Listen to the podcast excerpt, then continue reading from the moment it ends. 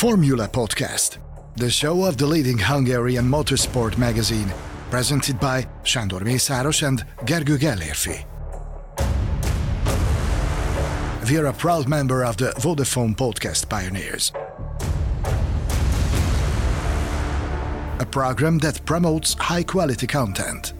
Hello everyone, it's Zhou Guanyu from Alfa Romeo F1 Team Stake. You are now listening to the Formula Podcast. Enjoy guys. Hello everyone, welcome to the Formula Podcast, the show of Autosport és Formula Hungary's motorsport magazine. My name is Sándor Mészáros. I am the publication's traveling reporter and an FIA accredited Formula One journalist. You can find me on Instagram, Twitter, and Facebook under the same username, Mesandor. M E S A N D O R. Formula Podcast is a proud member of the Vodafone Podcast Pioneers, an initiative that promotes high quality content. We are back with another global release because we have something to be proud of. It's a quick pre season interview with China's very first Formula One racing driver, Zhou Guanyu, who is racing for Alfa Romeo F1 Team Stake. Season 2023 is just around the corner, and this will be a crucial season for everyone involved, including the first ever Chinese racing driver in the whole history of Formula One. He is getting ready for his second season in the pinnacle of motor racing, and I think it's fair to say that he is now settled in well. Zhou as they call him in the paddock, began his karting career when he was 8 years old. To pursue his dream of becoming a racing driver, he left China and moved to Sheffield, England, when he was just 12. Soon he joined the Ferrari Driver Academy and began competing in the junior categories. Subsequently, he was a development driver in Formula E while getting his first experiences in an F1 car at the Renault Alpine Academy in 2020 and 2021. In 2021, he finished third in the F2 championship, and even though he was a well educated and very fast driver, there were skeptical voices about him when he was selected by Alfa Romeo F1 team as one of their 2022 race drivers. After all, the driver from Shanghai, who is competing with Kobe Bryant's world famous number 24, was a pleasant surprise in his rookie year. His season was an eventful one. He scored a point on his debut at the season opening Bahrain Grand Prix. In Montreal, he made it to the Q3 for the first time and he finished 8th place, his best result to date. Then in Silverstone, he was a totally innocent victim of the most shocking accident of the recent times. The remainder of his season was all about progress. In terms of pace, he was closer and closer to his teammate Valtteri Bottas, scored one more point in Monza, and at the end of September, he was confirmed for 2023. What were the challenges of the rookie season? How does he feel about the new season? What areas did he improve the most? How does he see the future? I just hope that after this interview you will know a bit more about this down to earth guy from China. Ladies and gentlemen, Zhou Guanyu. Zhou Guanyu of Alfa Romeo F1 Team Stake, China's very first Formula One racing driver. Welcome to the Formula Podcast. It's a great pleasure to have you here with us, and let's start with an obvious question. Your second season is just around the corner. A year ago, it was a jump into the unknown, so how different was the preparation this time? Firstly, like uh, personally, I felt more like relaxed and uh, less pressured, of course. And then going to the second season, the preparation is kind of rotated side, but then another way you know the main area to be focused on rather than try to gather all the information at once, you know. So everything becomes a bit more efficient, that's it. And then from my side, of course, to know the team for the whole year and then to be working together again with the same crew is definitely a huge step uh, ahead that uh, you can really just focus on uh, these more detailed things. And uh, on my side, you know, we feel ready, even though we have less testing days, testing is starting tomorrow, but uh, nevertheless, it felt good. How do you see your personal contribution to the development of the new car and what kind of performance do you expect from this car? Obviously, it's difficult to say before the start of testing, but you perform simulations and you were involved in the development, so what do you anticipate? Yeah, exactly. I mean, from last year already, the team has been preparing for this year's car. So we did a lot of simulator work over the winter, also pre-season, that uh, tried to have as much efficient in terms of all the project parts as possible, which we seem to be improved, at least for the simulator. Uh, all the weakness from what we left off last year, because last year was quite clear we started the season very strong and then we struggled more towards the end of the season. So, yeah, we seem to be making a good step, but uh, it really depends on your competitors how much step they are making. But I feel comfortable. We definitely are stronger than how we finished the season last year. So hopefully can be repeat what like how quick we were in Bahrain this time last year. That would be amazing. But uh, it's gonna be a tight field like always. But so far it felt good in the simulation. Everything is going in the right direction. How different is the atmosphere now under the leadership of Andreas Seidl? And on a longer term, how motivating or inspiring is the fact that the team will eventually become a factory team? Yeah, I mean, obviously, first first up speaking properly with Andreas, you know, this year, and then get to know each other more and more. And he seems to be firstly very professional and uh, nice guy, very motivated like us, you know, try to push the team along. And uh, yeah, looking forward to working with him for this year. And uh, I'm sure that he will bring more to the team and he can be very successful together with all of us involved. And uh, yeah, from my side, especially, it doesn't change much knowing the team's future, but it's more like for the guys working in the team, in the factory that they know their future is secured. So it's good for a team like us, you know, the Sauber Group people we still have a, a year to go with Alfa Romeo, try to finish on high. But then, on the other hand, we have a settled future that's uh, really just motivate the people to be keep working as much as they could together. Zhou, whenever I talk about you with people from the Formula One industry, I always hear the same things. They say that your core values, other than your obvious speed, of course, is your total determination, your absolute loyalty and your human nature.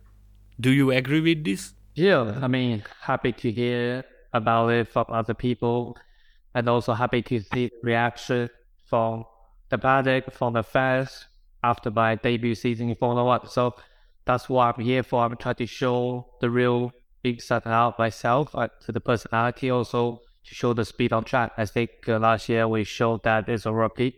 This year's in order to make another step up in terms of you know performance, speed, consistency. So yeah, I'm happy that's what people think that uh, going in the right way. Yes, the captain is talking my driver. he is the best, eh? I told you. How much have you changed in your first Formula One season as a person and as a racing driver? How do you see your strengths now, and what are the areas that you feel you should progress?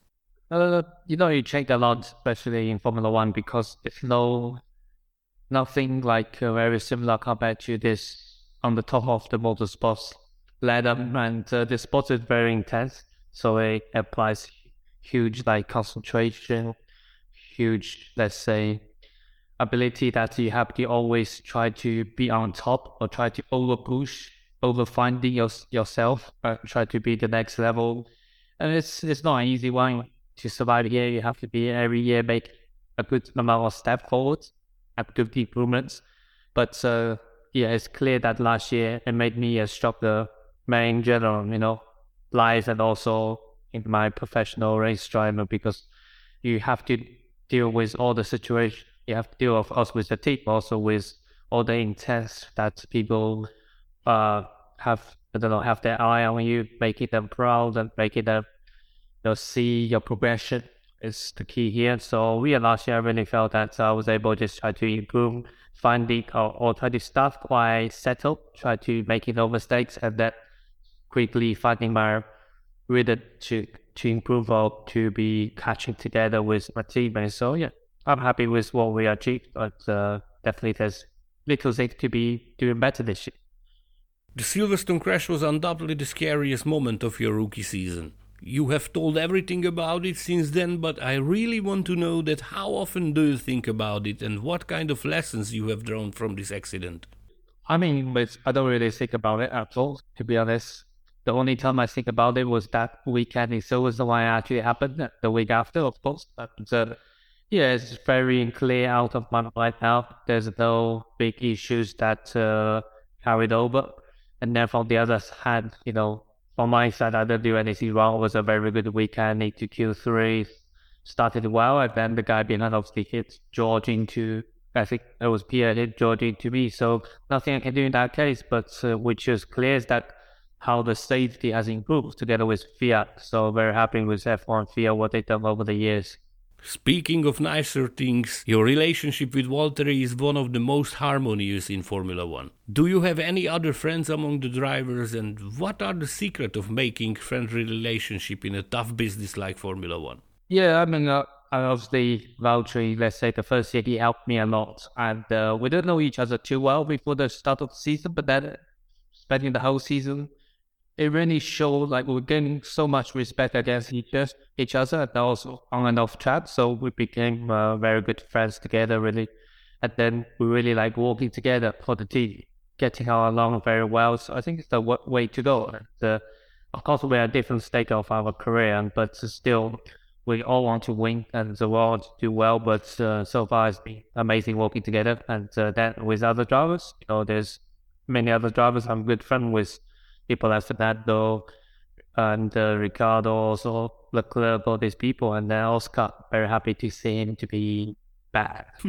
Knowing Valtteri's passion, I should ask you about the coffee consumption. How is your progress? Yeah, I mean, I like coffee, right? He said. Yeah, it's been uh, a lot different consider how I was beginning of the year. I never drank coffee before. Now I drink it quite often. When I'm tired or when like uh, feeling more intense, I, I do some coffee. Be careful with the blood pressure. No, it's alright. I don't drink. I drink not more than once. Zhou, your manager is Graeme Lowdon, the former team principal of Marussia, but who else is in the team, Zhou? Who forms your closest crew and who else gives you advice when you need something? Other than Andreas now, of course. Yeah, I mean, you know, in my team, there's uh, the engineers, like people like Sherry, you know, my engineer Jan and Chris, all these people, and all the people. It's difficult to say exactly who because it involves so many people in this sport. You know, over the factory, 500 people working for just two drivers. So everyone is actually helping me. But then in the race weekend, I work closely with the engineer crew on my side and the mechanics that then course, we try to always find the best car between the two sides. So Belgium and myself and try to put the car down fully ready to give out everything we have. So yeah, uh, he involved too, way too many people in this sport, but uh, I actually like the way how this team spirit inside Alfa Romeo. It really feel like family and also professionalism. As we all know, Formula One is all about huge pressure, very busy schedule, and so many commitments. Other than driving the fastest cars of the planet, what is the most enjoyable part of the Formula One driver lifestyle? I mean, it's uh, from my side, it's obviously you are traveling all the time. Like, uh, it's probably not the best because we travel so much that we don't really like to, would prefer to stay a bit more close to home, but you get to see different cultures. Like, different race at different tracks, completely different temperature, weather condition, and then you see all the fans. It's a huge part for us, you know. The people, there's some crazy fans traveling from know other part of the world to come see your race. It's just great to see people are so passionate, you know.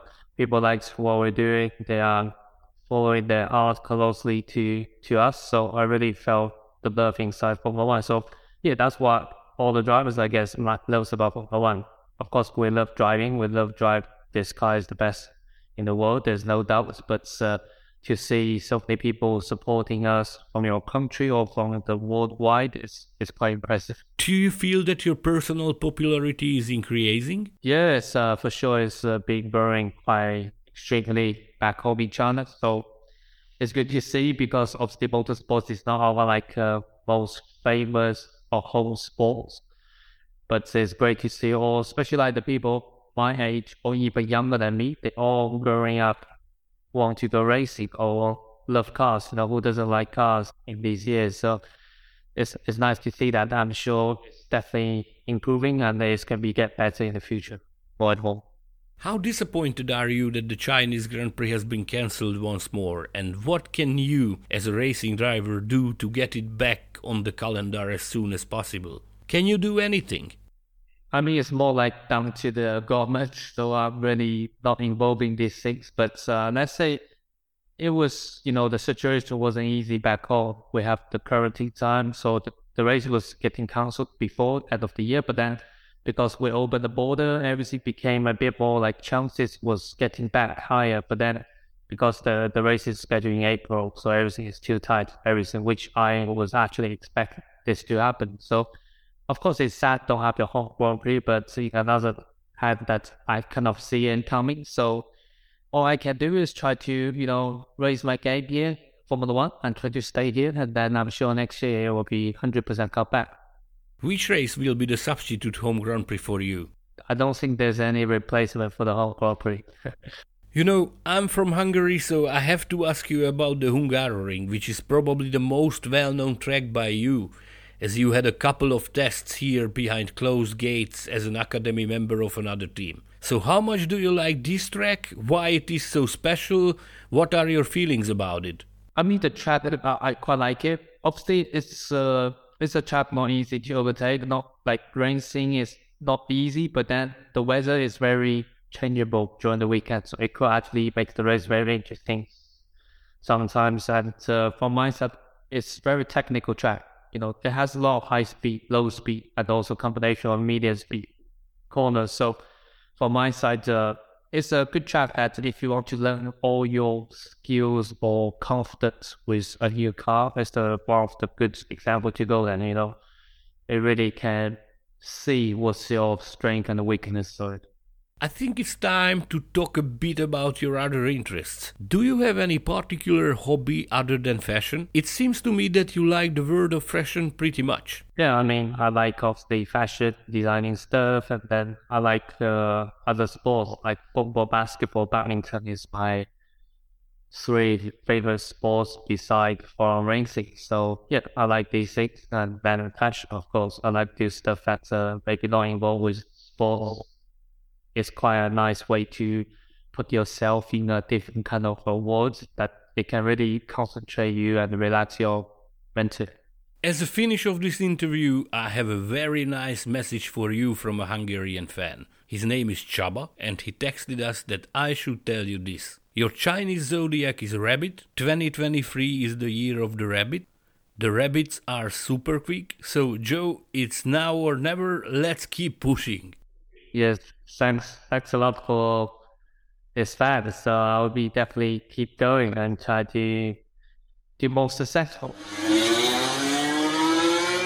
We are all very interested to see what the year of Rabbit has in store for us in F1. Many thanks to Zhou Guanyu for the exclusive conversation, and many thanks to you as well for listening this English edition of the Formula Podcast. Follow Zhou and his team on social media, and you can follow me as well on Insta, Twitter, and Facebook as Mesandor. We will produce further Hungarian language shows with my friend, colleague, and co-host Gergő Gellérfi. But if we will have something interesting, you will hear about us in English again. Please keep enjoying motor racing and Formula One. The start of this new season will be really interesting. Cheers!